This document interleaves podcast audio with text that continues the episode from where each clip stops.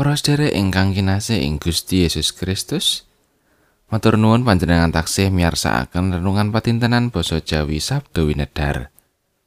Kados adat sabenipun kita badhe maos kitab suci lan kita kegilut sabdanipun Gusti. Kita ndedonga langkung rumiyin. Gusti Allah Rama kawula kasuwargan.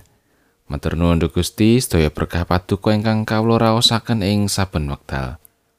Kawula ndongaaken ugi sederek-sederek kawula ingkang dereng saged ngraosaken berkah paduka kados dene kawula. Mugi paduka ingkang jangkung secara mirunggan, paring kecekapan lan tentrem rahayu.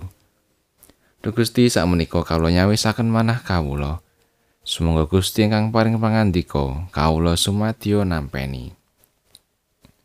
Tasih kathah dosa kalepatan kawula Duh Gusti. Mugi paduka kersa paring pangaksami. Wonten ing Gusti Yesus Kristus kawula ndedonga. Amin. Wawasan kapendet saking pangentasan bab tigang dosa kali ayat 19 ngantos 6 likur A.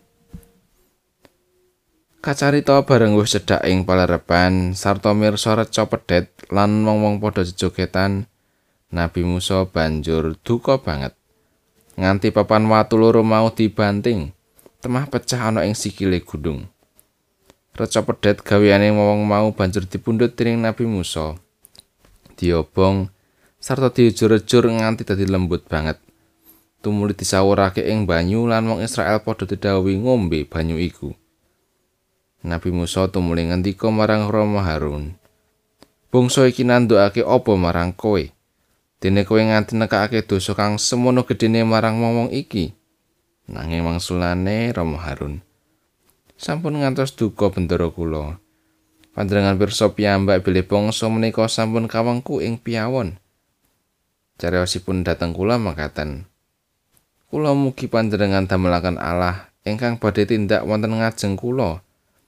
Awit dene Musa ingkang sampun ngirit lampah kula medal saking tanah Mesir, kula mboten sumerep kedadosanipun.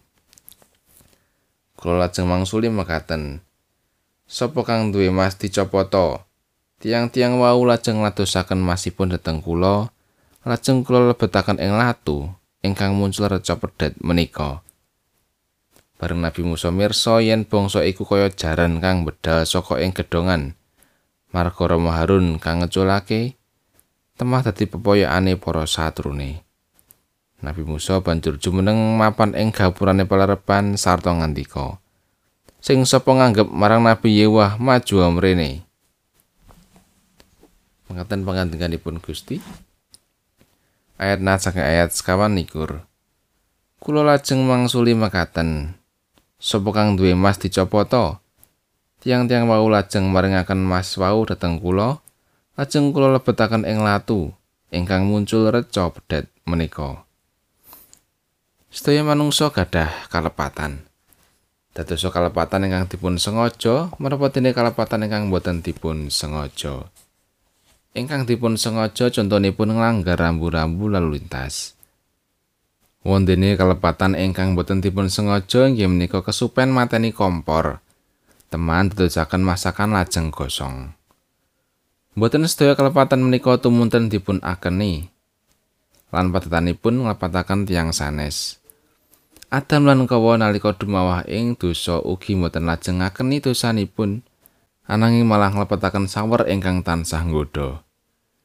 Nalika Nabi Musa nampi angger-anggering toret saking Gusti Allah ing redi Sinai, umat Israel sami nenggo Nabi Musa ing sangandhapipun redi. Raos saya lungkrah awit nenggo Nabi Musa, lajeng umat Israel malah nyingkur Gusti. Serana damel cocor-coran saking mas lajeng dipun sembah. Harun ingkang kedahipun ngamping-ngampingi umat Israel malah mandhegani lampahan menika. Mandap saking redi Nabi Musa lajeng dukani Harun. Ananging Harun sajak mboten nglenggono menawi piyambakipun menika lepat. Harun matur kalian Musa menawi emas ingkang dipun klempalaken dhateng Harun menika dipun bucal ing latu. Lajeng dados pedet menika. Tumindakipun Harun menika mboten jujur lan mboten ngakeni kalepatan. Wonten ing setengahing brayat kita ing setengahing papan panyambut damel ugi ing gesang pasamuan kita asring nemani kalepatan. Menapa kita sampun nglenggono yen kita pancen kadunungan lepat utawi malah nglepataken tiang sanes. Sumangga kita raosaken bab kejujuran ngakeni kelepatan wonten ing gesang kita. Amin. Detunggolan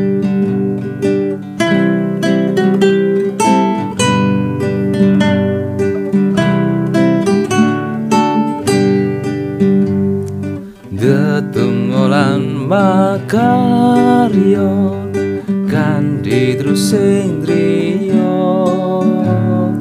Babakan yang gusti Mri sesami. Murid tentrem raharjo sumramba satu yo Asmanyo kang membelyo